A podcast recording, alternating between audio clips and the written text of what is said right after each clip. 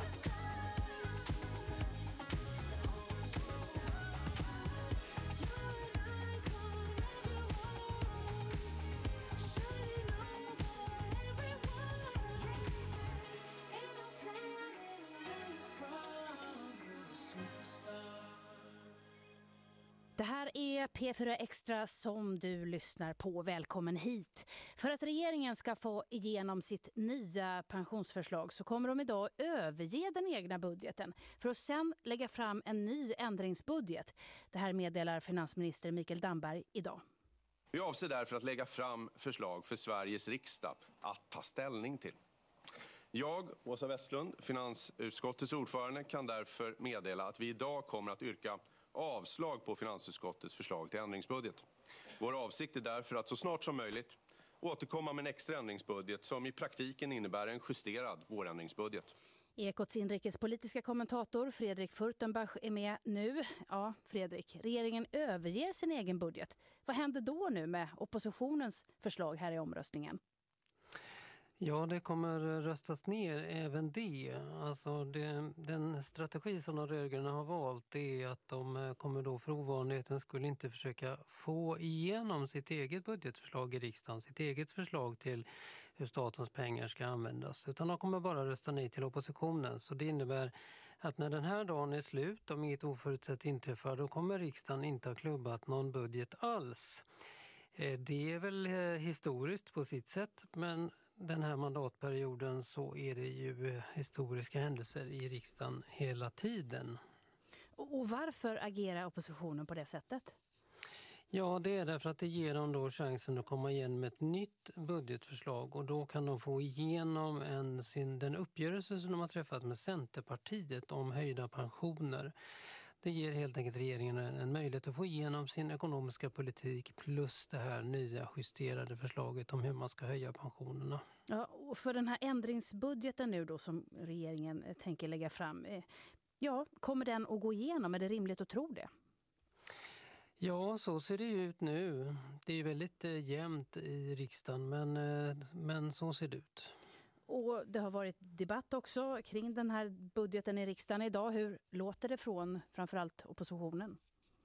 Ja, det har varit en ganska het debatt och den har handlat eh, dels ganska mycket om vilken sida, den blå eller rödgröna, har det bästa förslaget för höjda pensioner. Den har också handlat om vilken sida har betett sig ansvarsfullt och vilken sida har inte gjort det. Och så har det varit en del om vart ska man räkna Centern egentligen? Är de numera ett eh, rödgrönt parti? Mm. Och vad säger de själva om det? Nej, deras strategi är ju eh, att man ska då kunna söka samarbeten med alla partier men inte med SD och V. Men det är klart när alla andra partier i praktiken ser sig uppdelade i två block så blir det ju lite, eh, är ju det liksom en pedagogisk poäng som inte är så lätt för Centern att få fram. Men du, hur uh, har det kunnat bli en så här stor splittring just i pensionsfrågan som det ju faktiskt handlar om i grund och botten? Ja, men det handlade ju, från början var det ju faktiskt Vänsterpartiet som drev fram en höjning.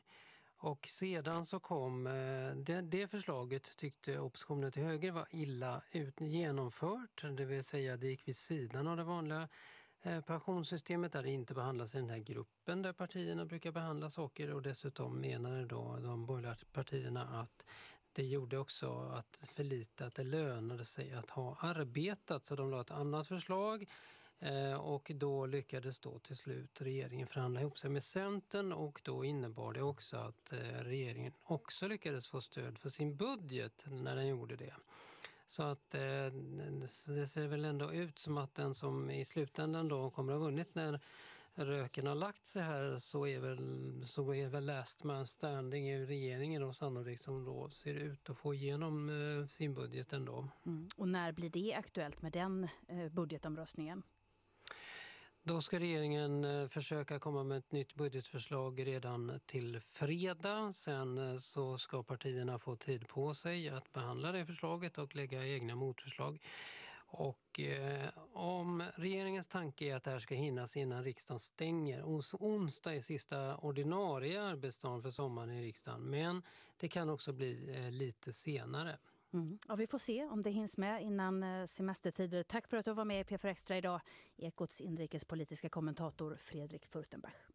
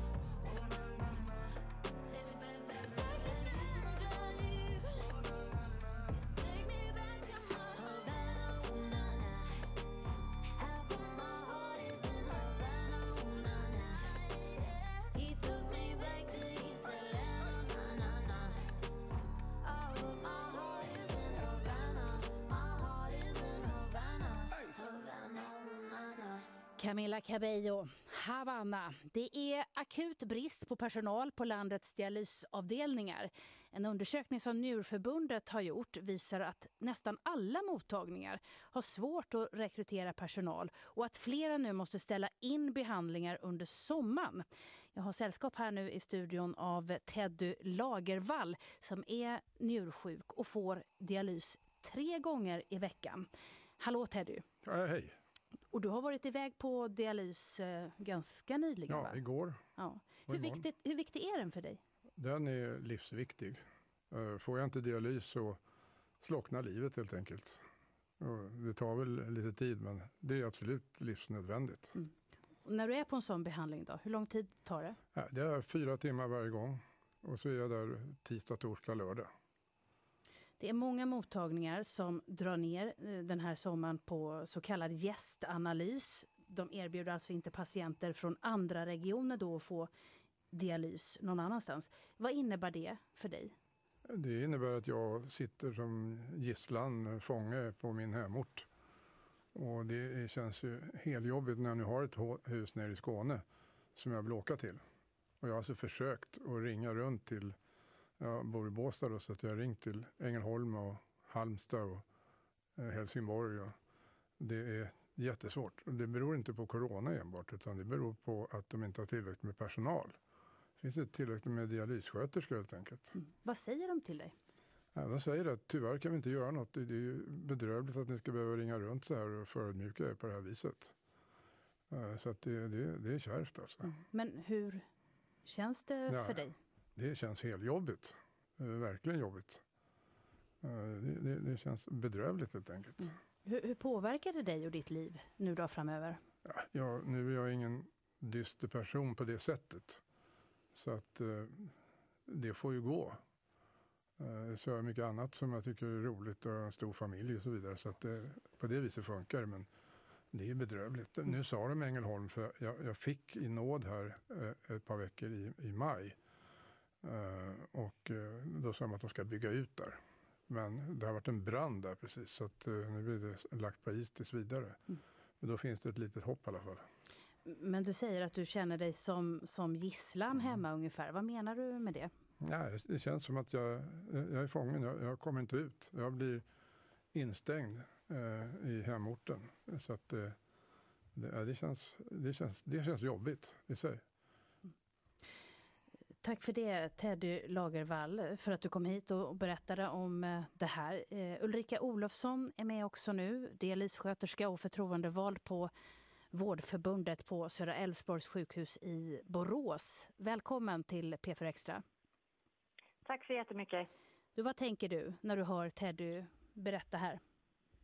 Nej, men det är ju en frustration som vi sjuksköterskor känner att Eh, vi inte kan erbjuda gästdialys med tanke på hur, hur stor brist det är på, på dialyssjuksköterskor runt om i landet. Och jag kan ju bara prata för VG-regionen så är det ju jättebrist.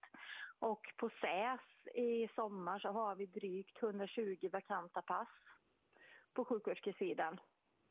Och då, då finns det, det finns ingen möjlighet att kunna ta emot gästdialyser utan vi måste prioritera och ta hand om våra patienter och att de får sin ordinerade behandling och inte behöva, kunna, inte behöva dra ner på behandlingstid eller antal behandlingar per vecka. Utan den medicinska säkerheten måste ju gå först. Men du, vad beror den här personalbristen på? Det är väl en sjuksköterskebrist överlag.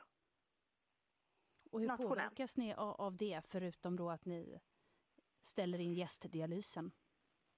Det blir ju, eh, vi måste ju jobba övertid för att kunna ta hand om de patienterna som, som är våra patienter om man säger så. Jag tycker inte om det här uttrycket med våra och dina patienter utan dialyspatienterna nationellt, det är våra patienter. Men tyvärr så är det ju så att eh, med eh, avtalen som är ur vilken region man tillhör och fram och tillbaka så blir det ju tyvärr våra och dina patienter. Mm. Men du, vi hör ju Teddy då eh, ringa runt och försöka få till det här. Hur reagerar de patienter som ringer till er när ni säger att ni inte kan ta emot dem? De blir jättefrustrerade. Och det är ju likadant dialyspatienterna på SÄS. Jag menar, vi har ju många patienter som kanske har eh, stuga nere i Varberg som blir nekade att kunna åka till Varberg för gästdialys.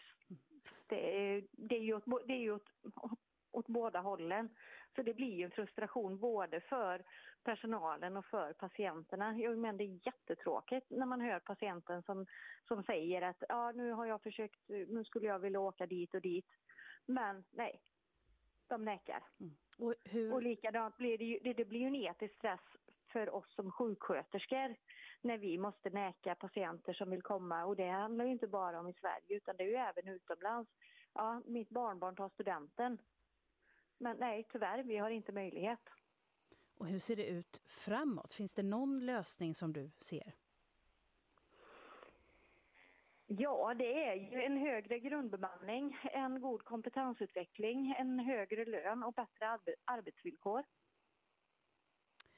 Ulrika Olofsson säger det, dialyssköterska och förtroendevald på Vårdförbundet på Södra Älvsborgs sjukhus i Borås.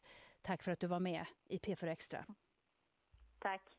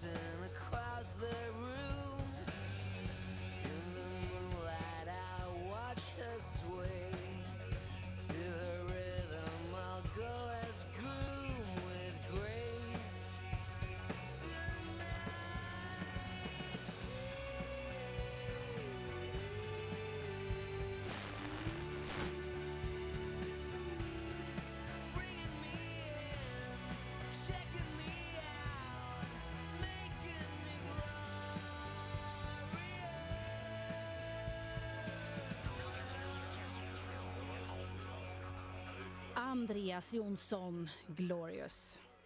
Kökaoset på Arlanda har inte undgått någon, tror jag. Men idag öppnar terminal 4 igen, utöver terminal 2 och 5 som varit öppna. Så hur påverkar det här köerna egentligen? På plats på Arlanda är Ekots reporter Johan Hellström. Hallå Johan! Hej! Du, hur ser det ut där du är? Har köerna minskat? Ja, en kort beskrivning av läget är väl att det här är mycket folk, långa köer, men absolut inget kaos. Eh, enligt uppgifter jag fick nyss från Swedavias presstjänst så är eh, kötiden till säkerhetskontrollen någonstans 15-20 minuter men sen är också väldigt långa köer till incheckningsdiskarna här. Men eh, det är ett ansträngt läge som han själv eh, på Swedavia uttrycker det men eh, långt ifrån något kaos, det måste jag ändå säga. Mm. Men hjälper det något att man öppnar en extra terminal?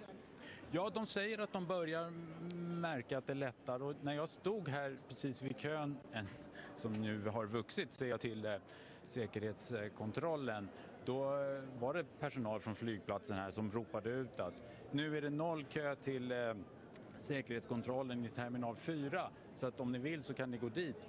Och då försvann ju genast en stor andel av kön så att nog hjälper det. Ja, men Swedavia själva då som driver flygplatsen säger att köerna framförallt beror på personalbrist. Men är det mer personal nu eh, när ytterligare en terminal öppnas? Ja, eh, återigen då Swedavias presstjänst, de säger att de har börjat eh, lyckas med rekrytering eller märka effekterna av det och så har de bland annat också omdisponerat personal från andra flygplatser. Det är därför de har lyckats öppna den här fjärde terminal 4. Och vad säger resenärer runt omkring dig som du pratar med? Ja, men de flesta, jag får ändå säga, man tar det med jämnmod. Man är förberedd på att eh, det inte kommer gå så smidigt. Man har tagit höjd för det, man har en viss förståelse för, för situationen och är här i god tid. Så att jag har inte träffat någon som är upprörd. Ekots reporter Johan Hellström, tack på plats på Arlanda just nu. Me a.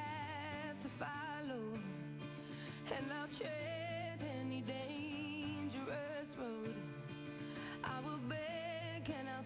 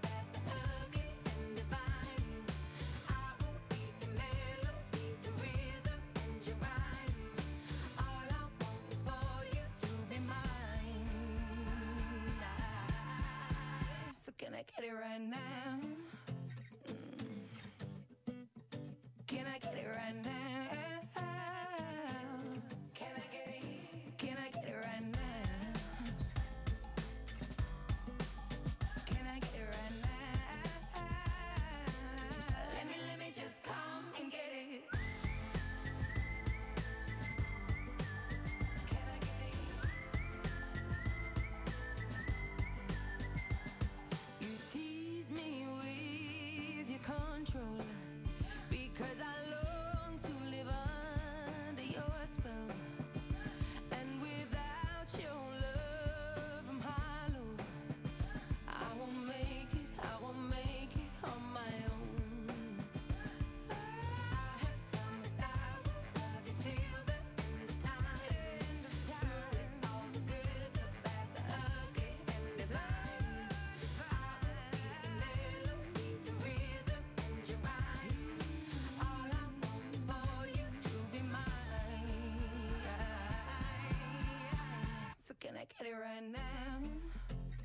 Adele, Can I get it i P4 Extra. Och så ska vi berätta att eh, förundersökningen om eh, trafikolyckan som orsakade konstnären Lars Vilks död läggs ner. Det meddelar Åklagarmyndigheten idag. Jag har utrett om ett brott har begåtts i samband med olyckan eftersom det i polisbilen satt två poliser och en person som de var satta att skydda. Den omfattande utredningen visar nu att inget brott har begåtts, säger chefsåklagare Per Nichols. Det var den 3 oktober 2021 som eh, personbilen som Vilks åkte i kolliderade med en lastbil. Det som skedde på motorvägen är en tragisk olycka, säger Per Nichols också i ett pressmeddelande. Klockan den är eh, halv två nu. Här är dina lokala nyheter. Vi är strax tillbaka. Lokala nyheter i P4 Sörmland. Klockan är halv två. Nu är det bestämt att Nyköping kommer ha ett nytt resecentrum klart inom fem år. I veckan så klubbade politikerna igenom ett av de största investeringsbeslut som man har beslutat om någonsin. Urban Granström är socialdemokratiskt kommunalråd i Nyköping. Ja, kommunfullmäktige fattade beslut om investeringsprojektet kring resecentrum. Totalt eh, en eh, investeringskostnad på drygt 300 miljoner för Nyköpings kommun. Ett av de största beslut som har fattats. Menar, stationen vi står bredvid nu den invigdes 1915 och nu ska vi bygga ett nytt resecentrum och det tänker vi väl ska stå minst 100 år. Men den gamla stationsbyggnaden ska stå kvar, ska tilläggas. 318 miljoner kronor kommer det alltså att kosta kommunen, men Trafikverket går in med 1,2 miljarder kronor och projektledaren Joel Renblom förklarar vad man ansvarar för. Inom resecentrumsområdet så är det två nya passager under järnvägen. Det är två nya broar över Brunnsgatan då som kommer bli längre och bredare och så är det två stycken entrébyggnader.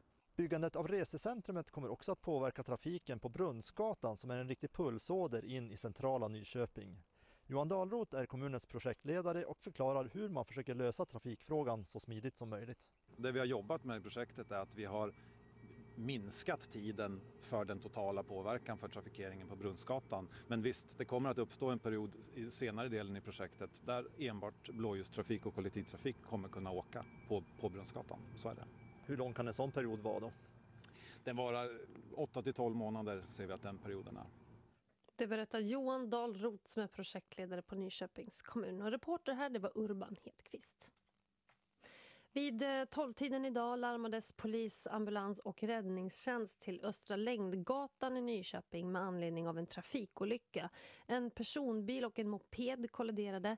Vägen den fick tillfälligt stängas av för trafik. Mopedisten skadades i samband med den här olyckan och fick transporteras till sjukhus med ambulans.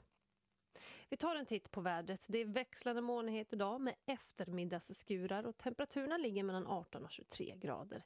Ikväll och i natt väntas molnigt väder och tidvis skurar. Fler nyheter hittar du i appen Sveriges Radio Play. Jag heter Johanna Jennische. Nu fortsätter P4 Extra med Sanna Hermansson. Idag offentliggjordes vilka nykomlingar som får ta plats i Swedish Music Hall of Fame. Och en av dem, eller kanske snarare några av dem, är bandet The Soundtrack of Our Lives som var ute och spelade mellan 1995 och 2012. Med från Göteborg nu är bandets frontfigur och sångare Ebbot Lundberg. Hallå och välkommen! Hej, hej. Ebbot, eller Torbjörn Lundberg som du egentligen heter. Du berättar, var kommer det här smeknamnet ifrån? Ska jag säga det igen? Okej. Ja. Nej, men det är väl bara det... Vi pratade baklänges på en fest för länge, länge sedan. Eh, 1985 faktiskt. Eh, på någon sån här eh, rolig fest vi hade. Och någonstans där vid tolvslaget så började vi prata baklänges. Och så föddes Ebbot. Tobbe baklänges då. Det var ju en himla tur. Ja. Ja. Det blev ju ett bra artistnamn. Ja, det visade sig vara det. Jag visste inte om det var eh, eller bra eller dåligt då. Men eh, det visade sig att jag levde in i den figuren. Mm.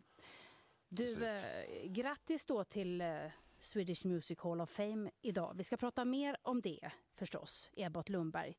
Och hur The Soundtrack of Our Lives en gång blev till är ju spännande. Och nu ska vi höra hur ni låter också.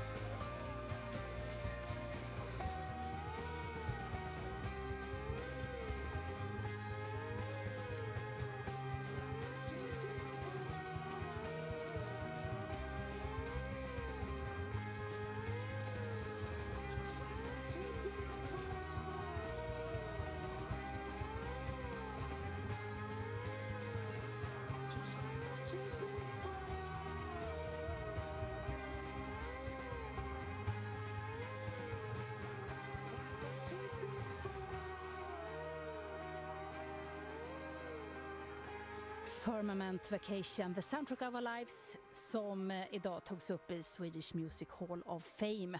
Dagens gäst i P4 Extra är Ebbot Lundberg som vi hör sjunga här. Du var ju med när det presenterades tidigare idag, Ebbot. Hur känns det?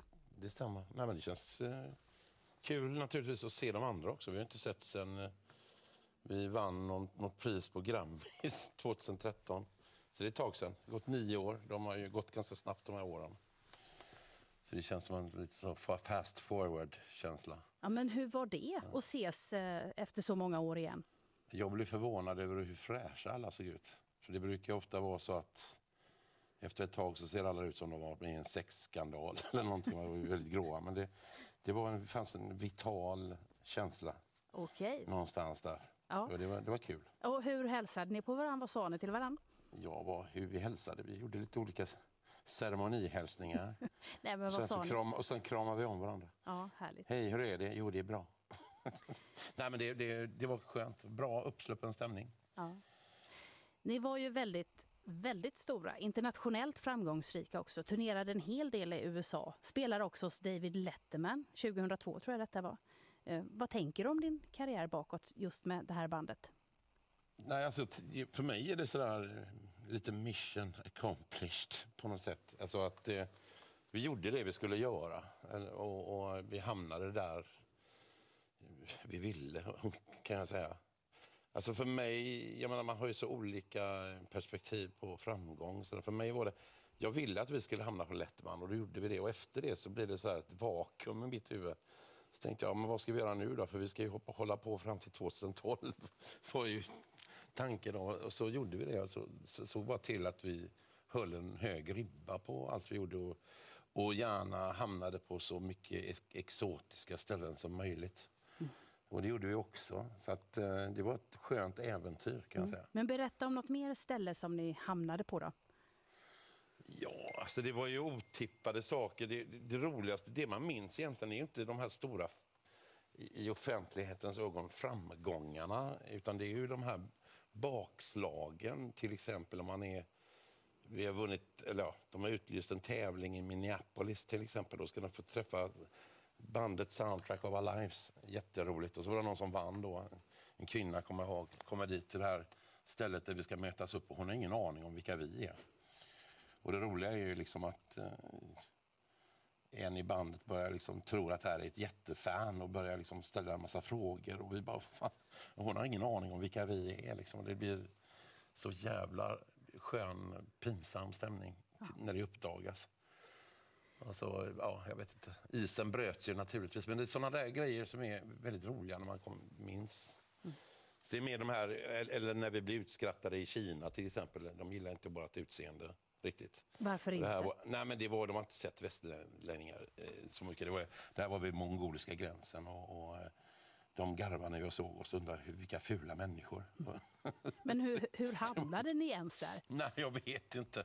Nej, men jag hade någon tillfällig vad ska man säga, manager vars fru pratade mandarin och vi, så vi kunde liksom forcera Kina ganska mycket där. Och sen fick jag en bra, jag menar kinesiska Rolling Stone, f- tidningen då, de föll för oss. Så vi hade ganska mycket uppbackning där ett tag innan vi upplöstes. Det här var ju liksom i senare delen av Sandra Galas historia då. Men det var, det, var, jag menar, det var en skön odyssé. Ja, det, det lät som att det var så väldigt förutbestämt där, hur länge ni skulle hålla på till fram till 2012. Hur kom det sig att ni började spela ihop? Vi kom ju från andra band. Alltså jag hade ju precis avverkat eh, Union Carbide Productions och, och jobbade lite med produktion och sådär.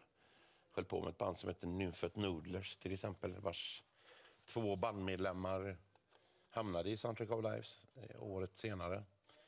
Eh, vi satt i, men det som egentligen satte ihop gruppen var väl en skidfilm kan man säga. Som en snubbe som heter Niklas Allestig och Ruben Östlund som sen blev känd. Ja, honom känner jag. Eh, de gjorde någonting som Down-film och det var någon sån här ski, after, eller vad afterski höll jag på att säga. Nej men du, skidfantaster och eh, så skulle vi göra musiken till det. Och då blev det så småningom då, eller efter någon månad, blev det Soundtrack of Our Lives. De här demolåtarna vi gjorde, det var ju liksom Mantra Slider tror jag vi gjorde, någon sån här förversion. Och så hade de med någon Union Carbide-låt också i den här filmen. Men det, det var det som egentligen gjorde så att vi satte igång. Och det här var då precis vid årsskiftet 94-95. Och när vi satte ihop gruppen då var det då delar från Nymphet Noodlers och från Union Carbide Productions och Whipped Cream. Eh, så att vi var ju mer en sån här hopsatt boyband kan man väl säga, fast vi var då i 30-årsåldern. Eller jag var väl det.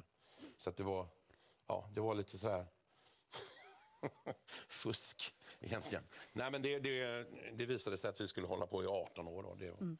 kanske inte grundidén, men det blev så. Det blev så. Och du, eh, första spelningen, kommer du ihåg den? Ja, det gjorde jag. Det var en födelsedagsfest den 3 mars 1995. Och det var någon sån här, eh, vårt bokningsbolags eh, telefon, telefonister fyllde år, det var två tvillingar. Och det hade vi på Stibergstorget eh, i eh, Göteborg då, mittemot Bengans. Spelade typ sex låtar. Varav hälften var Carbide-låtar och hälften var nya då. Bland annat eh, vilka var det här? Gran Canaria, Galaxy Gramophone och eh, Firmament Vacation tror jag var med på setlistan också. Du ska lyssna på mer eh, The Soundtrack of Our Lives nu, The Passover. Vad kan du säga om den låten? Ja, den är väl en av de få låtarna som pekar positivt framåt. Det är en sån här karma breaker, kallar jag det för. Eh, att man inte ska upprepa. Om man råkar ut för saker behöver man inte upprepa det mot andra. Eller så här, det är någon slags, eh, den, är, den är lite gospellåt över den faktiskt. Eh, det är någon slags, man hade kunnat göra den i någon slags skön reggae-version också. Men, men, eh, nej, men den, är, den är väldigt positiv känner jag. Eh, den, är väldigt omtyckt. Och, eh, den är mina, en av mina absoluta favoritlåtar. Den var, och var med på min favoritplatta som är vår näst sista skiva, Communion. Den avslutar den plattan. Och eh, ja, nej, den är, jag gillar den. Vi ska höra den nu. Ebbot Lundberg, dagens P4 Extra-gäst. Don't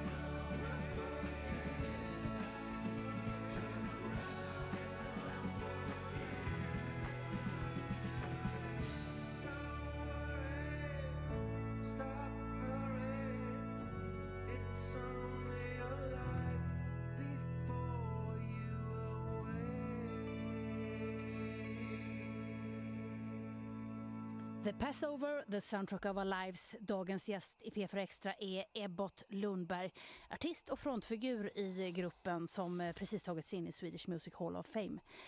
Du Ebbot, när ni spelade som allra mest så var ni ute och turnerade en hel del också. Hur funkade detta ihop med bandet?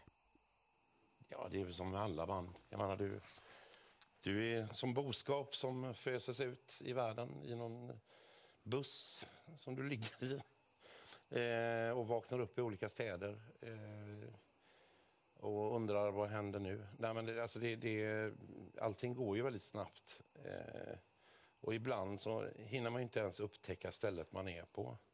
För att det kan bli väldigt intensivt. Just för att hålla någon slags flow i det hela. Men det är, eh, ja, det, det är ju en... Eh, vad ska man säga? Det, det är klart att det, det blir ju... Gör man tillräckligt många vändor så blir det ju liksom, kan det bli lite slentrian. Sådär. Det är en utmaning, men samtidigt så eh, när jag tänker på det så så är det bara med egentligen glädje. Det, jag skulle inte vilja göra det nu igen, men jag har gjort det och det känns bra. Men det, det var ändå kul. Ja, det är klart det var det. Det var ju en idé, eh, det var ju en plan. Så att, eh, det är klart man genomför den planen och så har man gjort det. Så det är liksom av... Ja, då är det avkryssat. Liksom. Det är, Mm. ja, nä- nästa grej. Och hur var, liksom, hur var liksom relationen er emellan där? Nu hade ni inte setts på nio år sa du, när ni träffades idag för den här utmärkelsen. Hur funkade ni ihop då? Ja, alltså det är ju så här, är man sex personer i ett band så blir det lite olika grupperingar.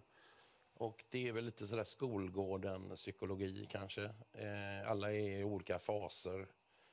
Och ibland är vi alla i fas, ibland inte. Eh, eh, och så hittar man på sätt att få det att fungera. Jag menar, det, det, jag menar vi, vi var ganska ambitiösa när det gäller att, att få det att fungera. För att jag menar, det blir ju det är klart att det blir tärande. Eh, och samt, samtidigt så hanns det ju med väldigt mycket. Det var ju familjer som skapades under tiden, under dessa 18 år. Så att, eh, jag tycker bara att eh, en eloge till oss själva att vi höll ut i 18 år och, och gjorde, det, eller gjorde de skivorna ihop.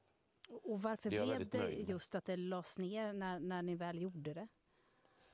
Ja, det var, jag tror att vi kände det redan 2010 att nu, har vi, nu känner vi att nu har vi, nu har vi åkt tillräckligt mycket tillsammans. Och eh, då gjorde vi så här att eh, jag minns att jag mejlade efter vi hade varit i USA, i San Francisco, kommer jag ihåg. Och där jag föreslog att nu, nu eh, lägger vi ner nästa år och så gör vi en platta till för vi har en massa låtar över. Och alla blev så här, man, man märkte liksom i det här mejlet vilket jubel det var i un, undertonen. Alla var väldigt lätta, lättade liksom att någon sa det. Och eh, då gjorde vi det och då blev den av, det avskedet blev väldigt fint. Det blev väldigt skönt.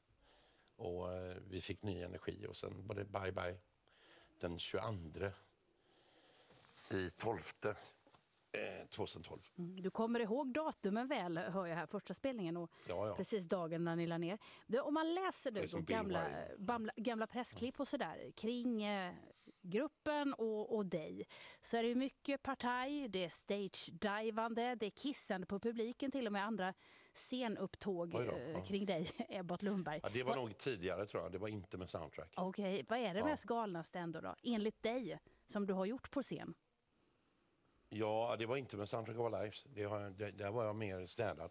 Eller det var ju, jag menar, jag blev, blev ju äldre naturligtvis och mindre frustrerad. Så att, eh, det blev ju lite an, annan eh, vad ska man säga, spännvidd. Det, det dummaste jag gjorde det var väl att jag skulle fortsätta stage-diva och det kostade mig väldigt mycket pengar.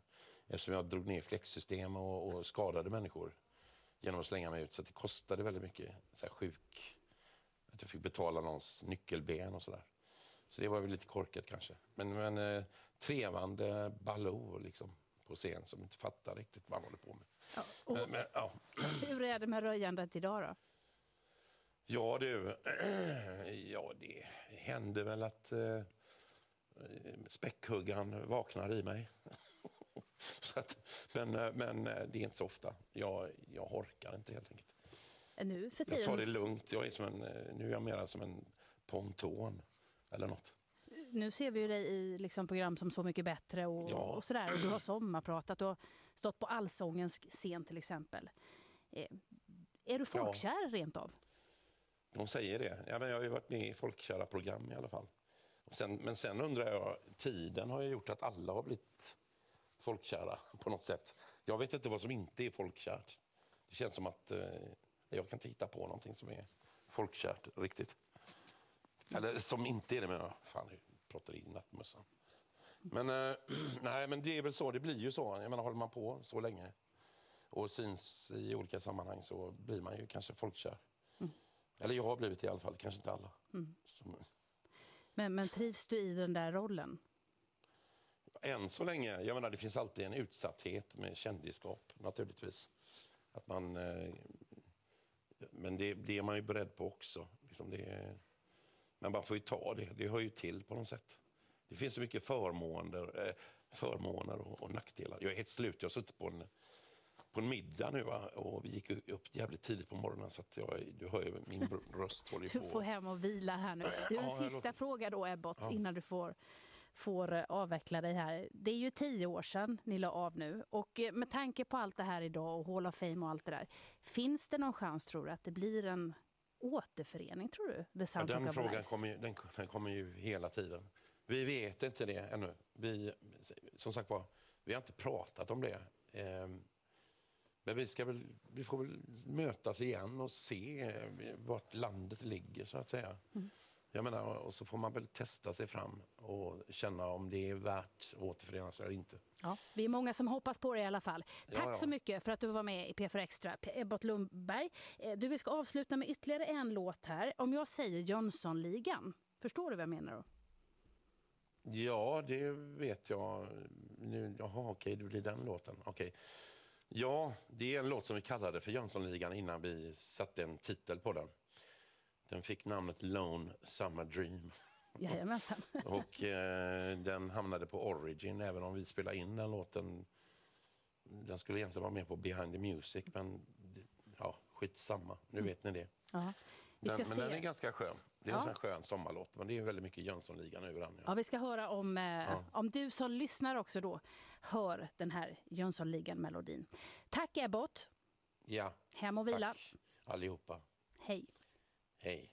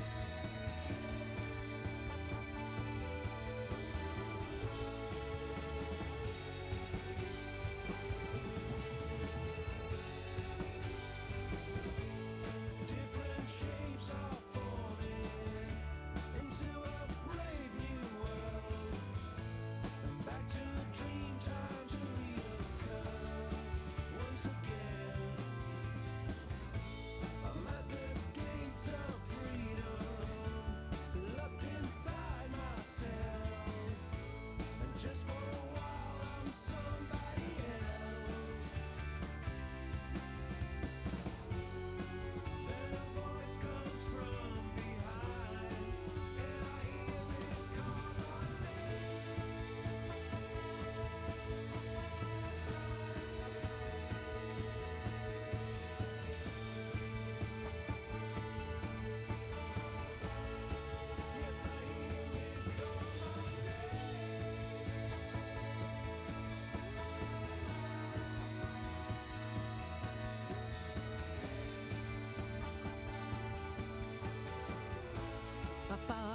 Hörde du det? Jag hörde i alla fall eh, Jönssonligan-melodin där. Man får ju sån god feeling av det om man har det som favoritfilm.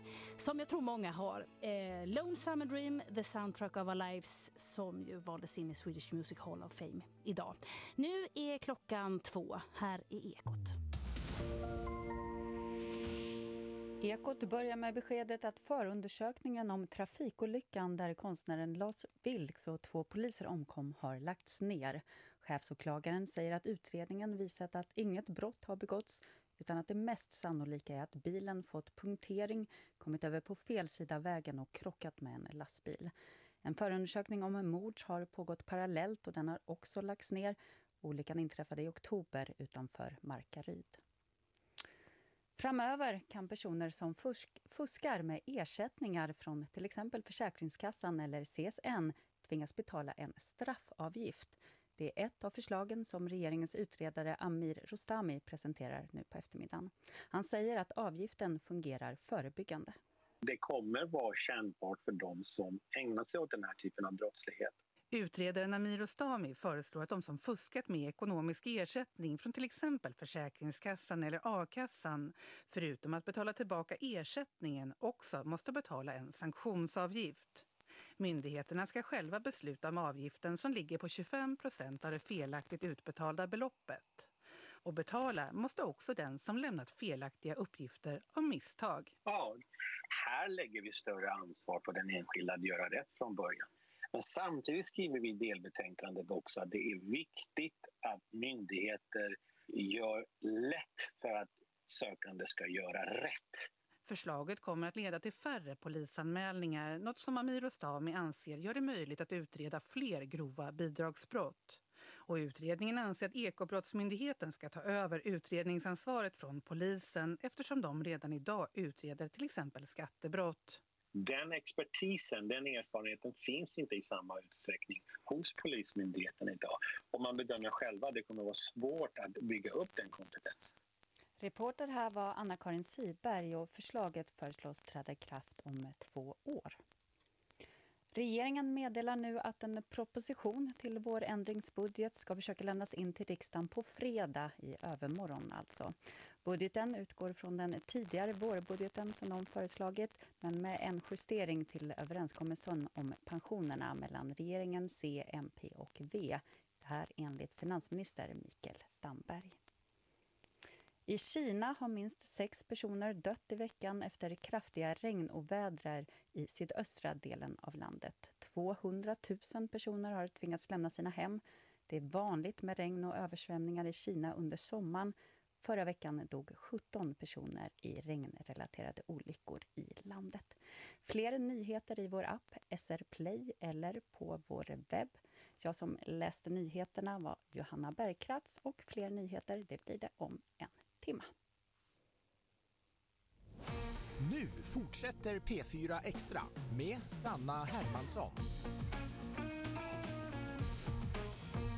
Storbritanniens planer på att flytta asylsökande till Rwanda stöter på motstånd. Idag skulle det första planet lyfta men det stoppades i sista stund efter beslut från Europadomstolen. Och solens strålar är inte bara härliga. Hur skyddar vi oss bäst? Och vad ska vi egentligen titta efter på hyllan med alla solskyddsprodukter? Kul att du är med i eftermiddag och tack för att du lyssnar.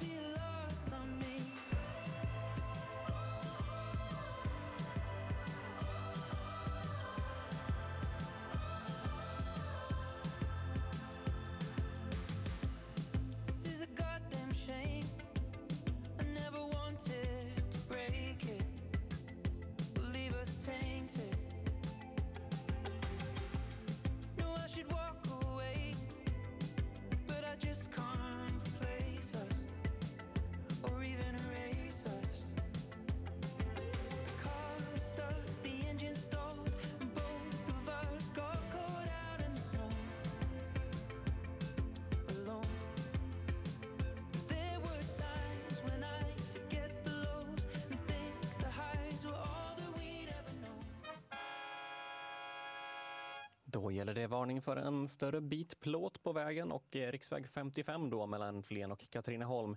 I höjd med Valla för dig som kör i riktning mot Katrineholm.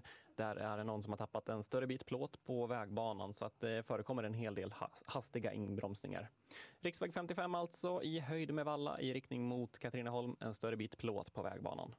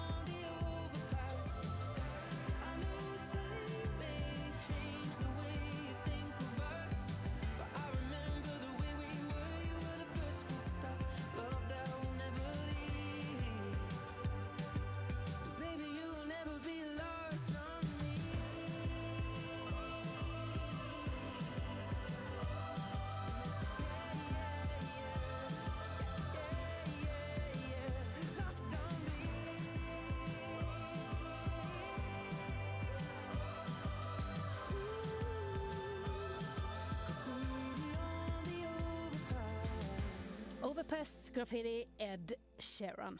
Storbritanniens planer på att flytta asylsökande till Rwanda stöter på problem. I sista stund stoppades planet som efter flera överklaganden skulle lyfta idag. Stefanie Zackrisson är med nu, Sveriges Radios korrespondent i London. Du, eh, varför stoppades planet? Ja, det här var ju faktiskt sent igår kväll som planet stoppades. Det stod faktiskt redan redo, liksom bredvid landningsbanan. Personalen var ombord. Flera av de här personerna som var tänkta att deporteras till Rwanda var också på plats. Jag vet inte om de var inne i planet eller om de satt i bilar utanför. Men så var det alltså ett sista minuten-ingripande sent igår kväll från Europadomstolen för mänskliga rättigheter i Strasbourg som egentligen helt enkelt satte utvisningarna på paus. Och det är väldigt ovanligt att domstolen gör så. De skriver själva att det är bara i undantagsfall. Och i, här så handlar det om att man inte tycker att det finns tillräcklig försäkran att de här personerna i fråga inte ska fara illa i Rwanda eller att deras mänskliga rättigheter verkligen har skyddats. För ett av fallen handlar till exempel om en man från Irak. Där har läkare sagt att han kan ha varit utsatt för tortyr. Det finns också misstankar om trafficking. Och i sådana fall så skulle Storbritannien vara skyldiga att utreda det. Inte skicka personen till Rwanda istället. Men vad händer nu då med människorna som skulle åkt med här? Ja, de togs tillbaka till de asylförvar som de har funnits på sedan de kom till Storbritannien i princip. Och nu fortsätter egentligen hela det här ekorrhjulet av juridiska processer och prövningar. För det har varit oerhört intensiva dagar i rättssalarna här. Det är en rad olika människorättsorganisationer som försökt stoppa egentligen hela den här nya migrationspolicyn om att skicka personer som tagit sig till Storbritannien till Rwanda istället för asylprövning där. Eh, både på så att säga en bredare basis där de menar, de här organisationerna, att det kan strida mot asylrätten till exempel. Men och det har man inte fått igenom. Det kommer tas upp om några veckor i juli i en domstol i Storbritannien. Men däremot så det man gjorde var att man började gå igenom fall för fall och pröva varje person individuellt helt enkelt. Och där lyckades man både i rättssalar här i Storbritannien men sen då de här sista minuten-beskeden från Europadomstolen eh, stoppa de utvisningarna. Men det är som sagt, det är bara på paus i väntan på ytterligare juridiska beslut. Mm. Det här är ju ett kontroversiellt samarbete. Hur ser egentligen den här överenskommelsen ut mellan Storbritannien och Rwanda? Ja, men hela det här beslutet och samarbetet mellan de båda länderna kom efter en lång tid av att den brittiska regeringen tittat på olika lösningar. För att den brittiska regeringens så att säga huvudskäl eller argument till att göra så här, att personer som kommer till Storbritannien inte ska få asyl prövad här utan istället skickas till Rwanda. Det menar man från regeringens håll är för att man vill avskräcka personer från att försöka ta sig de här oerhört farliga vägarna till Storbritannien i de här rangliga båtarna över Engelska kanalen. Många lyssnare minns kanske säkert den här olyckan i höstas där nästan 30 personer drunknade i vattnet i kanalen. Vi hade för några år sedan flera personer som Eh, alltså kvävdes ihjäl ombord på en lastbil där människosmugglare försökte ta människor över till Storbritannien. Och det säger ju regeringen att det är det här man vill motverka. Dock kan jag säga, alltså igår såg vi inte på marken att den här avskräckningseffekten hade fått någon större betydelse för det fortsätter komma båtar varje dag från franska kusten till den brittiska sydkusten. Men själva samarbetet mellan Storbritannien och Rwanda betyder helt enkelt att Storbritannien betalar 120 eh, miljoner pund, alltså motsvarande nästan en och en halv miljard, miljard förlåt, eh, svenska kronor för att helt enkelt skicka personer till Rwanda för asylprövning där och alltså inte möjlighet att söka asyl och få komma till Storbritannien utan bedöms de ha asylskäl så är det i Rwanda de i så fall får stanna. De är utlovade att få hjälp och stöd under ett par års tid. Bedöms de inte ha asylskäl så kan de skickas tillbaka till sina hemländer och i de här senaste fallen som vi har tittat på nu så handlar det om personer från till exempel Irak, det handlar om personer från Iran till exempel. Men hur reagerar folk som du pratar med på det här beslutet och det här samarbetet? Ja, men som du sa, det är ett väldigt kontroversiellt beslut. För å ena sidan så är den här regeringen väldigt måna om att man vill minska migrationen till Storbritannien. Och det har funnits en sån stor diskussion i det här landet. Det var en av drivkrafterna i hela brexitomröstningen. Det här mottot Take back control handlade mycket om migrationen till Storbritannien, att man ville minska den och det fanns det också opinion för. Men sen har vi sett de här senaste dagarna hur det har varit protester utanför asylförvar, protester utanför ambassader, utanför inrikesdepartementet, Engelska kyrkan, flera av högt uppsatta ledare i Engelska kyrkan skrev under Times riktat till regeringen för att skrev att de anser att det här är omoraliskt, skamligt för Storbritannien.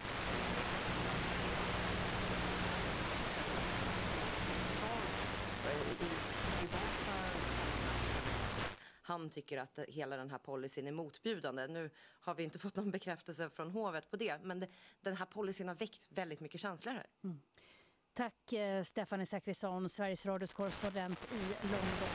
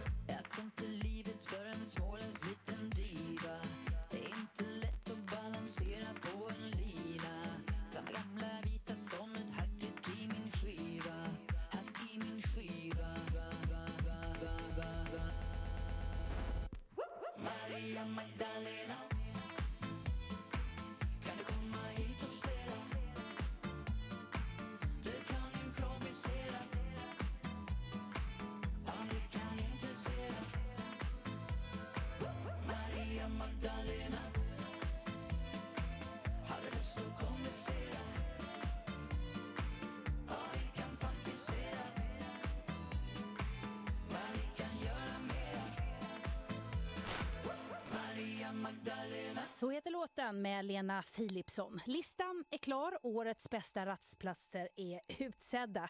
Organisationen M, tidigare Motormännen, utser varje läns bästa ställen när man vill ta ett stopp på, på bilsemestern till exempel. Totalt 300 rastplatser bedöms utifrån tillgänglighet, trygghet, utrustning och skötsel. Och jag tänkte jag ska berätta om några platser här i urval. Värmland, om man åker genom detta län så är Ransäter det bästa stället att stanna på. Örebro, Björnfallet. Norrbotten, Gävre södra är enligt Motormännen en, en bra rastplats. Och stannar du till i Kalmar så är Botorpström och Långsjön eh, bra ställen. Vill du se hela listan så hittar du den på P4 Extras Facebook. Och jag tänker att det är ju eh, mycket annat som man kan gilla på en rastplats som kanske inte är med i den här undersökningen just. Ja, mysfaktorn till exempel, hur fint det är, utsikt och sånt där. På våra sociala medier så har eh, du som lyssnar eh, listat era bästa rastplatser och jag tänkte dra några exempel därifrån också här. Eh, Loni Johansson säger Italienska vägen i Båstad.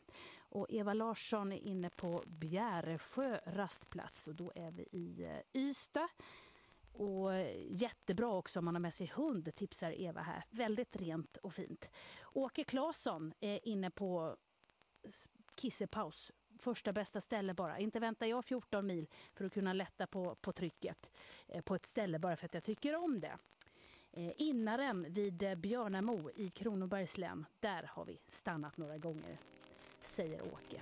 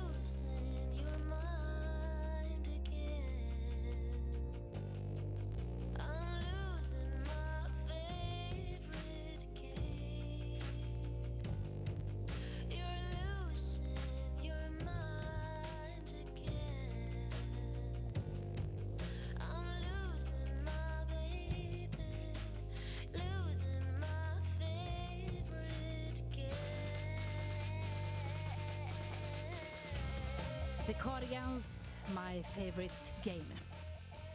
Sommaren är här. Vi är faktiskt mitt i juni nu och det är lätt att bränna sig i solen när den är som starkast. I Sverige så har vi förhållandevis många fall av hudcancer med tanke på att solen är farlig förhållandevis kort tid på året. Magdalena Claesson är med nu, överläkare och forskare inom hud och könssjukvård på Sahlgrenska sjukhuset i Göteborg. Välkommen! Tack så mycket. Hej! Du tycker att vi fokuserar för mycket på solskyddsprodukter så här års. Vad är det vi ska fokusera på istället tycker du? Jag tycker absolut att det är ett bättre alternativ att, att söka skugga mitt på dagen när solen är som starkast och att använda kläder som skyddar och kanske en bredbettad hatt. För det vet vi att det funkar bra. När det gäller solskyddsprodukter så smörjer vi ofta alldeles för lite och för sällan. Så att eh, om man till exempel sätter sig under ett parasoll när man ska äta lunch ute så är det bra. Eller klä sig så som att man eh, tar på sig en långärmad sval skjorta eller ett par linnebyxor som är väldigt tändigt just nu så man skyddar benen också. Mm. Så Och inte vara mitt i solen. Liksom. Men om vi ändå ska prata om solskyddsprodukter, vad ska jag välja av allt som finns i denna uppsjö? Jo, det bästa är att köpa produkter som finns på apoteken för de kontrolleras av Läkemedelsverket. Och då ska man titta på tuben. Man ska dels välja eh, något med hög solskyddsfaktor, SPF 50, för då skyddar det bra mot UVB-strålning. Och sen är det bra att vända på produkten och kika också så att det har en symbol som är en cirkel och inuti den cirkeln står det med stora bokstäver UVA. För då vet man att produkten skyddar även mot UVA-strålning. Och jag tycker man ska undvika att köpa produkter som marknadsförs online som naturliga som kanske inte är testade av Läkemedelsverket. Det kan vara hallonfröolja, det har pratats om mycket sista åren till exempel. För det finns helt enkelt inte tillräckligt mycket med studier på att det fungerar bra som solskydd. Så tycker jag också att man ska hitta något som man gillar att smörja sig med, inte känns för kladdigt till exempel. Det måste inte vara den dyraste produkten. Men du, eh, det finns ju flera sprayer till exempel då man kan, det är ju smidigt då att använda det.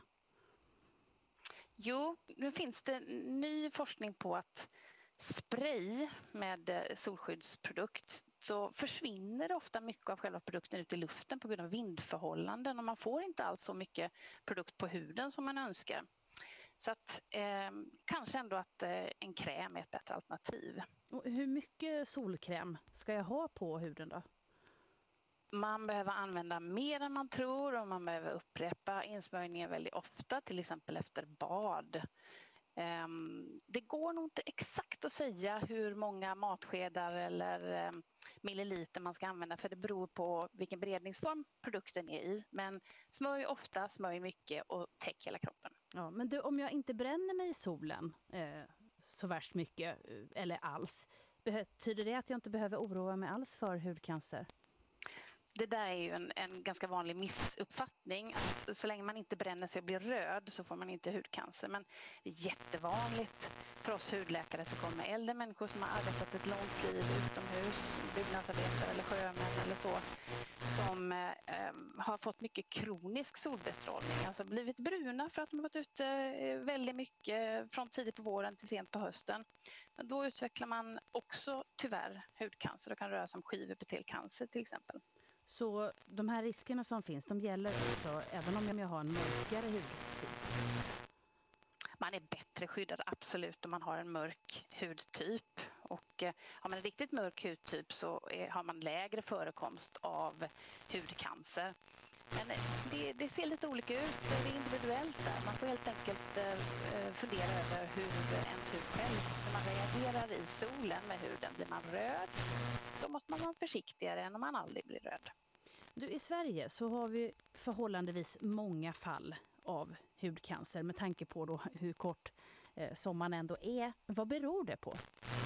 Jo, vi många av oss har den här ljusa hudtypen och vi gillar att vara utomhus på sommaren och vi har hög socioekonomisk standard vilket innebär att många har råd att åka på solsemester till Florida, Mexiko, Spanien, Thailand. Och eh, sen kanske det också är så att människor söker snabbare och vi hudläkare blir bättre på att diagnostisera tidigt. Så det är många faktorer som bidrar till att det är sån väldigt hög ökning. Ehm, Det är också en lång kustlinje och eh, vi har visat i forskning från Göteborgs universitet att melanom är vanligare runt kusterna i Västra Götaland till exempel. Så det kan ha med saken att göra också. Mm. Och så är det ju det här med födelsemärken som vi ska hålla koll på eftersom risken för hudcancer är, är större. Då. Hur håller jag bäst koll på dem? Jo, nu ska jag ge ett supertips till alla som lyssnar. Använd er mobilkamera. Eh, det vill säga titta på din hud kanske varannan månad, ställ dig i en helkroppsspegel och, och ta fram din mobilkamera så tar du foto om du ser någon hudförändring som du undrar lite över. Har den där cancern ändrat färg, form eller storlek? Och så kan man göra samma igen två månader senare och eh, ta ett foto, gärna lägga en mobil, eh, förlåt, gärna lägga en linjal bredvid eh, hudförändringen. Så ser man, har den ändrat sig? Och då söker man direkt för att tidig diagnostik, att vi hittar melanom tidigt, det räddar liv. Okej, alltså hålla lite bättre koll själv då med hjälp av mobilkameran är ett tips. Eh, Tack Magdalena Claesson, överläkare och forskare inom hud och könssjukvård på Sahlgrenska sjukhuset i Göteborg. Tack så mycket för att jag fick vara med. Rock your body,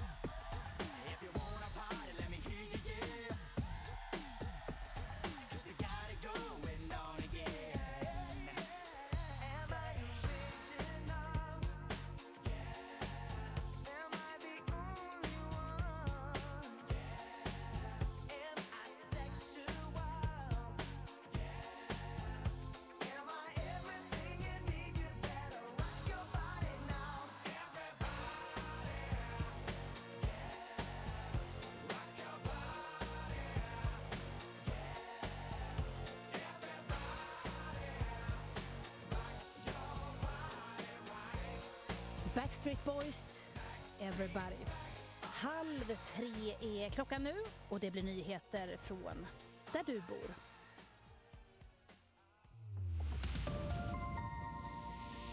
Nyheter i P4 Sörmland halv tre. Inom fem år kommer ett resecentrum stå klart i Nyköping.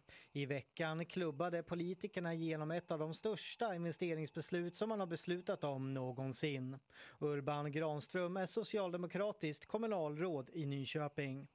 Ja, kommunfullmäktige fattade beslut om investeringsprojektet kring resecentrum. Totalt eh, en eh, investeringskostnad på drygt 300 miljoner för Nyköpings kommun. Ett av de största beslut som har fattats. Menar, stationen vi står bredvid nu den invigdes 1915 och nu ska vi bygga ett nytt resecentrum och det tänker vi väl ska stå minst 100 år. Men den gamla stationsbyggnaden ska stå kvar, ska tilläggas. 318 miljoner kronor kommer det alltså att kosta kommunen, men Trafikverket går in med 1,2 miljarder kronor och projektledaren Joel Renblom förklarar vad man ansvarar för. Inom resecentrumsområdet så är det två nya passager under järnvägen. Det är två nya broar över Brunnsgatan då, som kommer bli längre och bredare och så är det två stycken entrébyggnader. Byggandet av resecentrumet kommer också att påverka trafiken på Brunnsgatan som är en riktig pulsåder in i centrala Nyköping. Johan Dahlroth är kommunens projektledare och förklarar hur man försöker lösa trafikfrågan så smidigt som möjligt.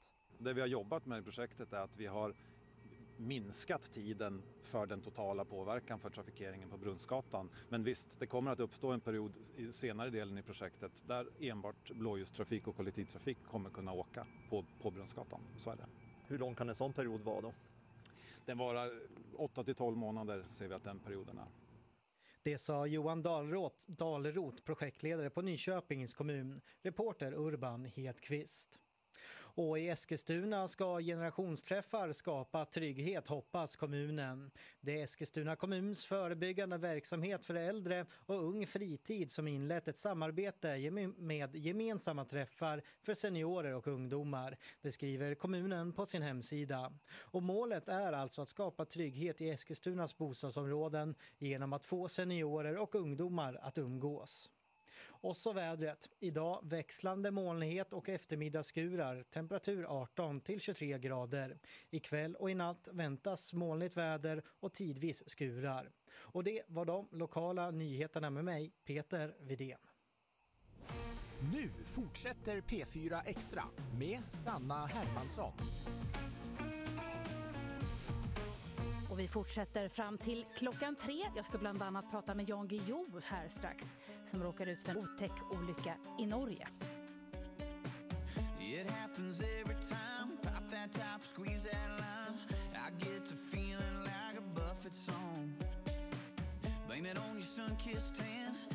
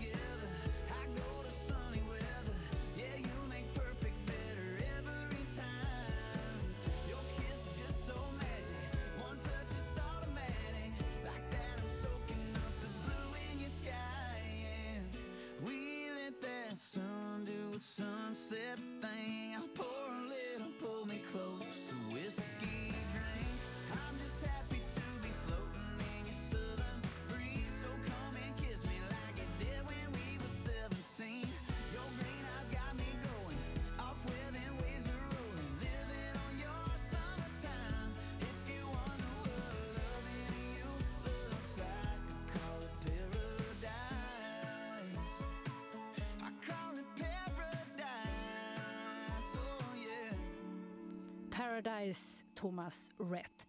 Under förra året och första halvan av 2022 har 76 personer skjutits ihjäl i Sverige. Malmö är en av de platser som drabbats hårt av våldet. Senast i natt skadades en man allvarligt efter en skottlossning i centrala Malmö. Och en man dog och en skadades allvarligt i en knivskärning i närheten av Möllevångstorget.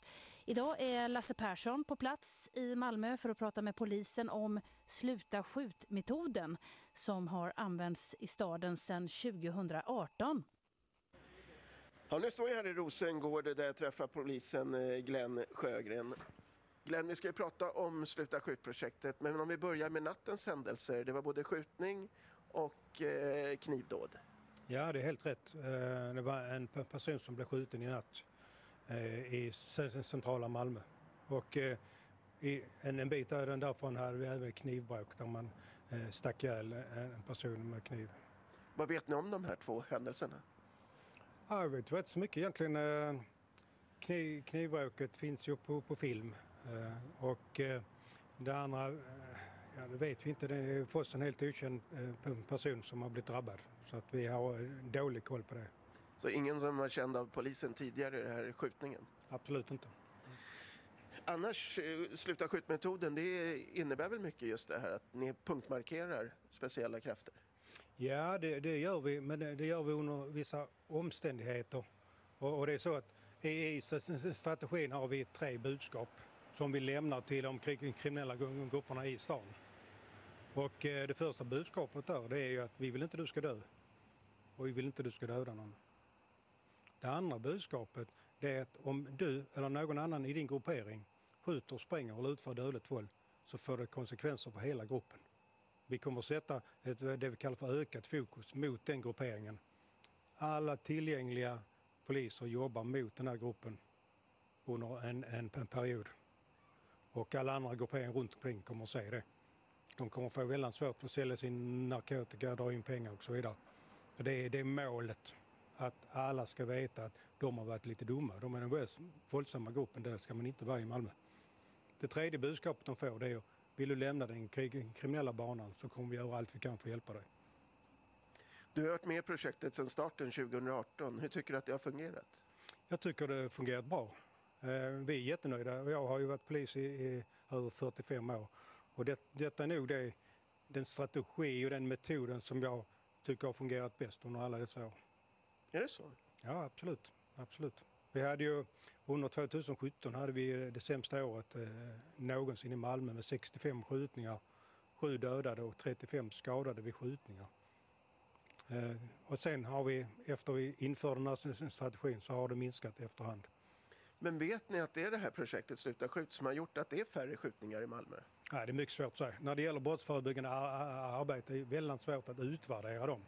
För att du har inte en likadan stad med samma problem du kan jämföra med där du inte kör sluta skjut. Men eh, vi är helt övertygade om att det har en, en eh, be- betydelse för eh, det grova våldet i stan. Skjutningar med dödlig utgång eh, har ju nästan halverats från 2019 till 2020. Men under de första fem månaderna av 2022 så har fler dött igen. Har trenden vänt uppåt igen? Ja, vi har hittills i Malmö har vi eh, två stycken som dött vid skjutningar.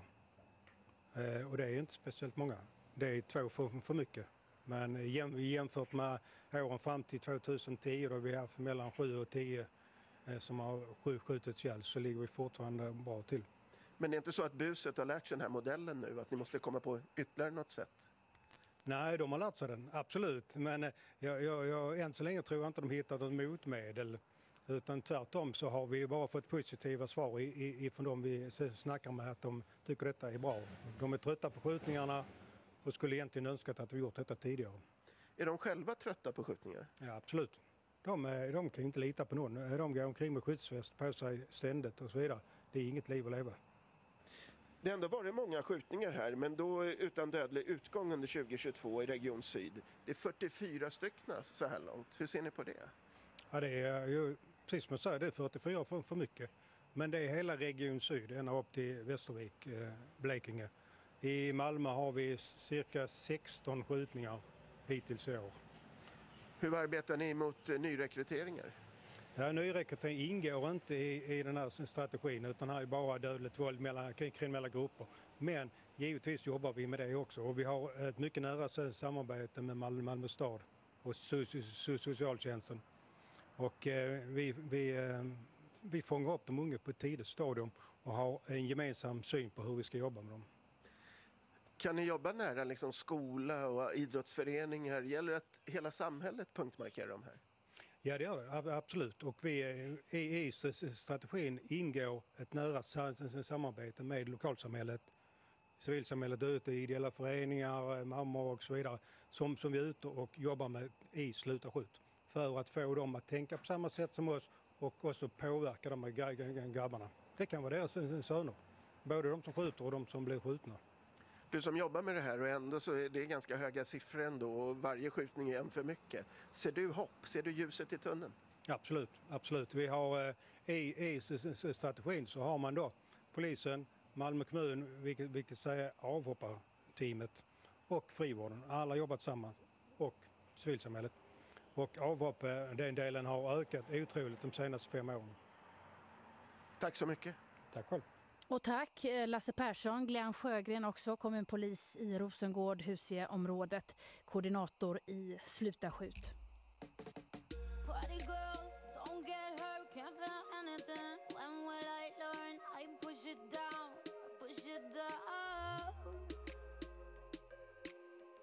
I'm the one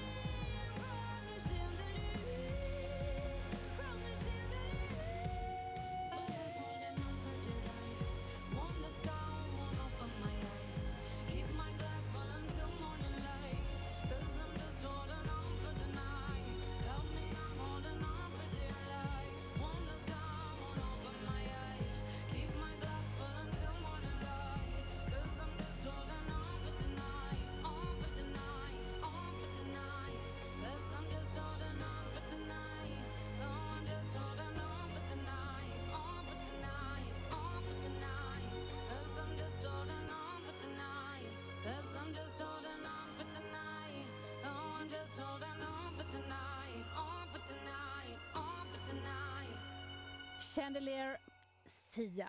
Författaren och journalisten Jan Guillou har skapat rubriker de senaste dagarna efter en olycka i Norge. Ambulansfärd, operation, kryckor och morfin. Allt på grund av en öl. Jan Guillou, hallå! Hallå! Hur mår du? ja, eh, inte sådär perfekt, det kan jag ju inte säga. Jag har väldigt ont och, och dessutom känner jag mig som en idiot i vissa avseenden. Men annars är det bra. Okej, berätta. Vad var det som hände? Ja, det har med uppfostran, traditioner, krav på stil och manligt uppförande av ålderdomlig karaktär att göra. Alltså, det var en litteraturfestival i Lillehammer och jag hade tillsammans med en eh, god vän, eh, två goda vänner faktiskt, norska vänner, gjort ett ganska bra framträdande på en litterär afton och så nu skulle vi gå upp på ett väldigt fult men stort hotellrum för att fira denna sak. Och då upptäcker jag att Anne Holt eh, har två ölflaskor och ett vinglas i handen. Så får det verkligen inte se ut. Så att jag lyckas befria henne i alla fall från ena ölflaskan och så går vi glatt vidare och kommer till ett liten, liten trappavsats där jag gör en eh, gubbpladask snabbeldykning. Men jag har fallit mycket i mitt liv och jag eh, har aldrig brutit något.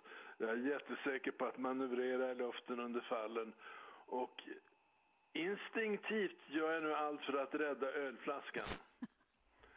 Och det lyckas jag med, men vrider mig då så lite lustigt i luften på väg ner mot fallet att jag landar direkt på ena höften.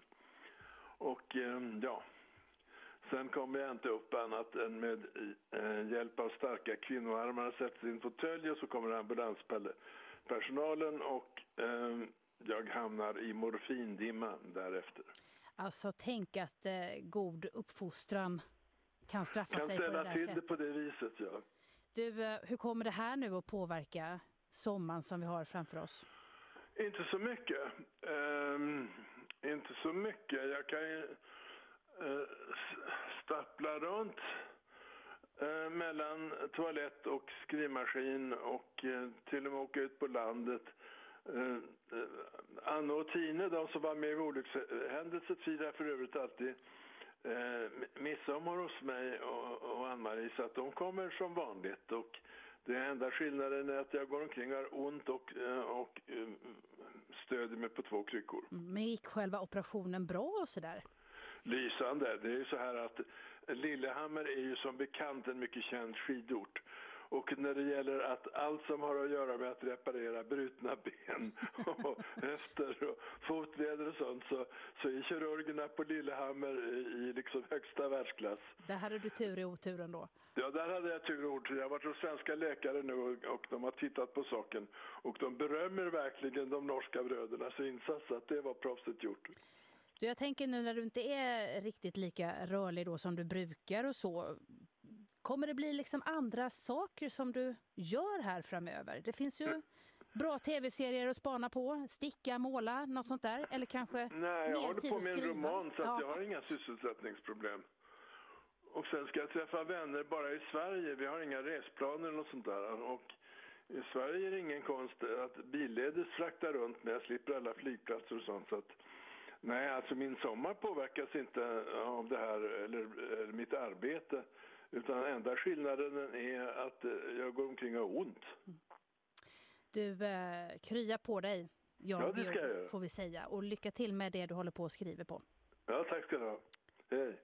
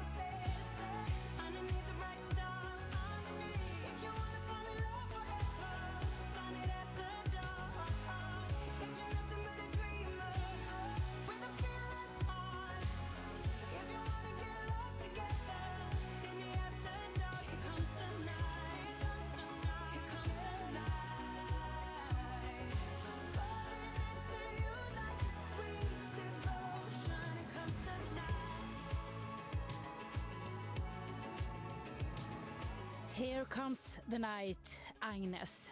Midsommar är dans runt stången, sill och gott sällskap. Den enda lilla detaljen som saknas för att få den där perfekta helgen är att få jackpot med vädret. Det är ju inte långt kvar nu. Blir det sol eller regn? Det vill man veta. Alexandra Olsson, meteorolog på SMHI, är med mig nu. Hallå Alexandra! Hallå, hallå. Du, hur viktigt är vädret för oss svenskar just runt midsommar skulle du säga?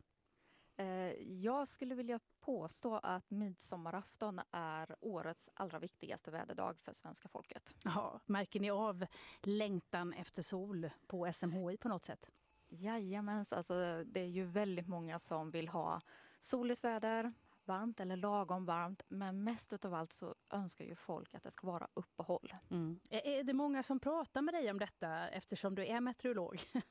Ja men självklart, alltså, det är ju många som har koll på när vår tiodygnsprognos börjar närma sig så att man börjar se David in mot midsommarafton och då väller ju verkligen de här frågorna in. Både från journalister, radiopratare och bekanta. Ja. Du, hur ser prognosen ut då för landet? Den ser hyfsad ut får jag väl säga. Eh, vi är ju flera dagar i förväg och då är det ju mer osäkerhet i prognosen självklart.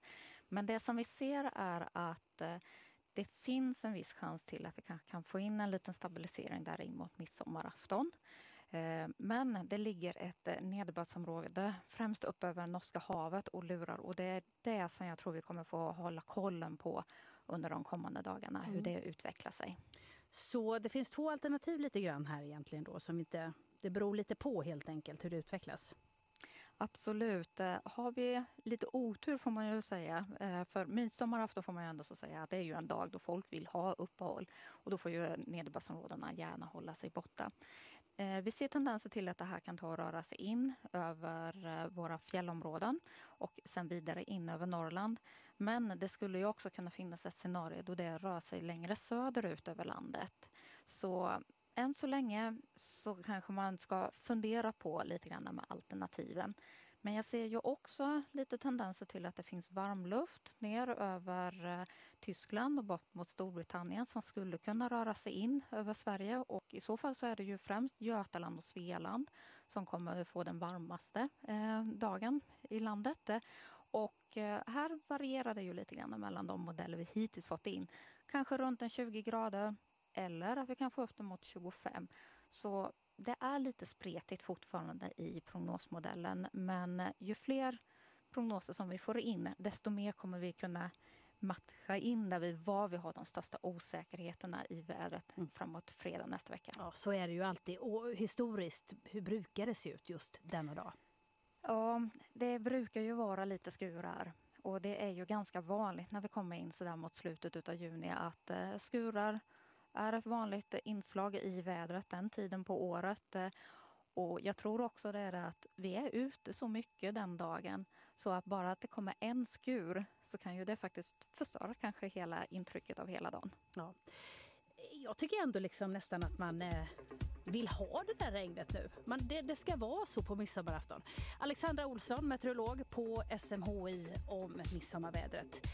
Det gäller att kolla lite dagarna framåt här nu så blir det säkrare och säkrare. Men eh, mm, lite blandat tycker jag mig höra här.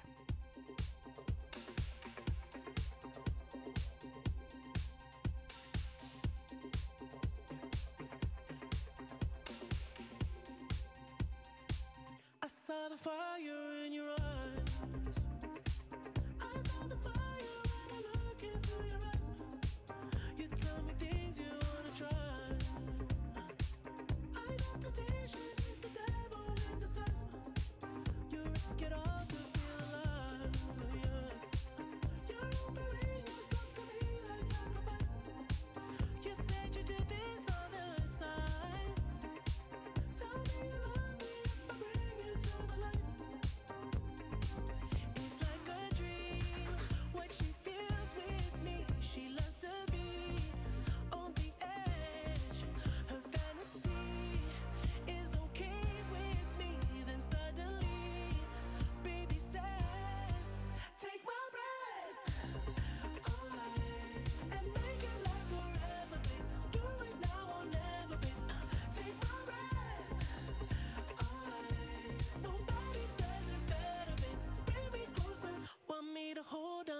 time. You pull me close,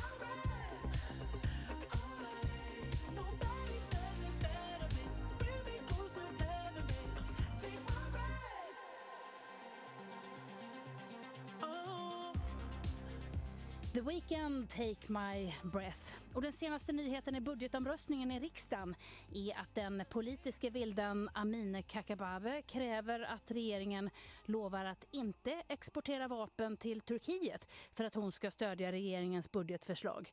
Något som ju kan vara avgörande inför omröstningen. Det här rapporterar TT nu. I dagens P4 Extra var Ebbot Lundberg P4 Extra-gästen. Han och eh, Soundtrack of Our Lives valdes idag in i Swedish Music Hall of Fame. Hela den intervjun hittar du snart som podd. P4 Extra-gästen heter den och finns där poddar finns. Ljudtekniker idag var Elin Hagman, producent Joel Lindqvist.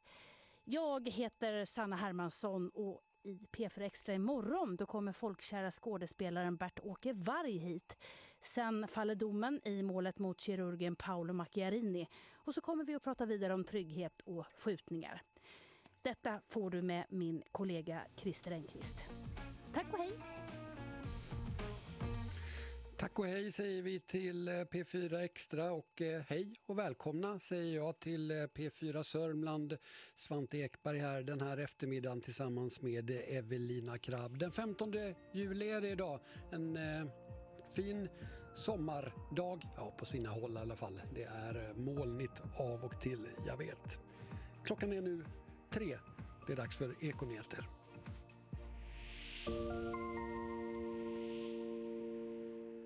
Ekot börjar med en ny uppgörelse i EU-parlamentet om hur man ska förändra utsläppsrätterna. Socialdemokraterna, Liberalerna och de konservativa har kommit överens. En del är att man vill fasa ut den fria tilldelningen av utsläppsrätter till år 2032 istället för 2034 och minskningen av utsläppsrätterna ska göras i en trappstegsmodell med start 2024. EU-parlamentet ska rösta om det nya förslaget i nästa vecka. Det blir sannolikt ingen vårbudget idag i omröstningen som sker om en timme klockan fyra. Istället kommer regeringen att lägga fram en extra ändringsbudget där det nya pensionsförslaget ingår på fredag. Det säger finansminister Mikael Damberg. Och enligt honom skulle riksdagen kunna ta beslut i frågan om en vecka. Det blir ju väldigt speciellt när vårt förslag som vi tror att vi har majoritet för inte skulle fått prövats i Sveriges riksdag. Och då tvingas vi till det här. Eh, Men det betyder att vi, vi redan på, på fredag siktiga kan läm- lämna en extra ändringsbudget om, om riksdagen fattar de beslut som vi tror att de kommer göra. idag. Och hur snabbt kommer då riksdagen att kunna fatta beslut om det? Det ska till finansutskottet då på måndag. Ja, och, och det får ju riksdagen själv bestämma men det finns ju alla möjligheter med en sån hantering att hantera det här innan midsommar. Moderaternas ekonomisk-politiska talesperson Elisabeth Svantesson säger att frågan om en extra ändringsbudget från regeringen kan hanteras snabbt. Det får ju ta, vi har en diskussion om här i riksdagen med, med gruppledarna och talmannen men i grund och botten så är att det är möjligt att hantera frågan eh, hyfsat skyndsamt. En dag, skulle det räcka? Det tror jag kan bli svårt. Om man vill göra det här seriöst så kanske man behöver några fler dagar på sig. Men, men vi får väl återkomma och speciellt får ju då talmannen och gruppledarna återkomma om den saken. Reportrar här Hiva Abdelsade och Erik Ridderstolpe. Nu säger partiläsare riksdagsledamoten Amineh Kakabaveh att hon inte kommer stödja regeringens extra vårändringsbudget nästa vecka om inte regeringen lovar att inte exportera vapen till Turkiet. Kakabaveh säger till TT att hon också vill att regeringen lägger in mer pengar mot hedersförtryck i budgeten om hon ska stödja den. Så något helt annat. Unik forskning från Göteborgs universitet visar att det både är säkert och effektivt att få barn med en transplanterad livmoder. I studien har 86 procent av kvinnorna lyckats bli gravida med provrörsbefruktning, rapporterar P4 Göteborg. Så vädret ikväll och i natt kan det bli regn eller skurar i framförallt södra Svealand i övrigt uppehåll. Imorgon får stora delar av landet varierande molnighet och skurar här och var. Men längre norrut håller regnet sig borta och solen kommer fram i norra Norrland. 10 till 20 grader. Det här var Johanna Bergkratz i studion. Fler nyheter på vår app. Där finns det nyheter, SR eh, Play-appen. Eh, den kan ni besöka när ni vill, eh, dygnet runt. Det vet ni. Svante Ekberg här den här eftermiddagen eh, som bjuder på växlande molnighet och eh, enstaka eftermiddagsskurar. Ikväll och i natt väntas eh, det bli molnigt väder och eh, skurar av och till även så. Och imorgon, imorgon eh, torsdag, mycket moln, tidvis regn och även skurar då också. 18 till 22 grader och mestadels en svag vind. Där har ni morgondagens eh, väder. Eh, Evelina Krabb finns med mig den här eftermiddagen. Hej Evelina, du eh, ska Hej, mötas över generationsgränserna. Ja, och du pratar om skurar hit och dit. Här steker solen på Vilsta, Eskilstuna, mängder av aktiviteter. Tanken är att äldre och yngre ska mötas. Eh, Jag försöker att se, jag ser ganska mycket yngre här just nu. Men, det här var, men vi håller på att leta efter en studsboll. Eh, Har du hittat den? Ja, men du, vad heter du? Leo. Tja Leo. Eh, Du, vad tycker du om en sån här härlig kulturdag? Bra. Bra. Har du varit och testat på någon aktivitet än då? Eh, ja, där borta finns det sån här... Uh, graffiti. Graffiti och sen så har jag gått upp med min brorsa Gösta upp för backen. Sen så har vi varit där inne- Vilstabacken? Ja, sen så har vi varit där inne och köpt glass. Sen så lekte vi här ute. Ja, sprang ner. Ja, här lekte vi lite och vi hoppade ner där och kullerbyttor ibland. Sen så tappade jag bort min studsboll och sen så hittade jag den. Ja, vad skönt att du hittade studsbollen. och Och fritidsbanken. Ja, ni hör ju. Mängder av aktiviteter kan man göra här i Vilsta idag. Jag blir bara svettig bara jag hör Leo här och alla hans aktiviteter som han har hunnit med redan. Men nu har han hittat studsbollen, aktiviteterna fortsätter här och jag stannar kvar i Vilsta också. Här ska vi mötas över generationer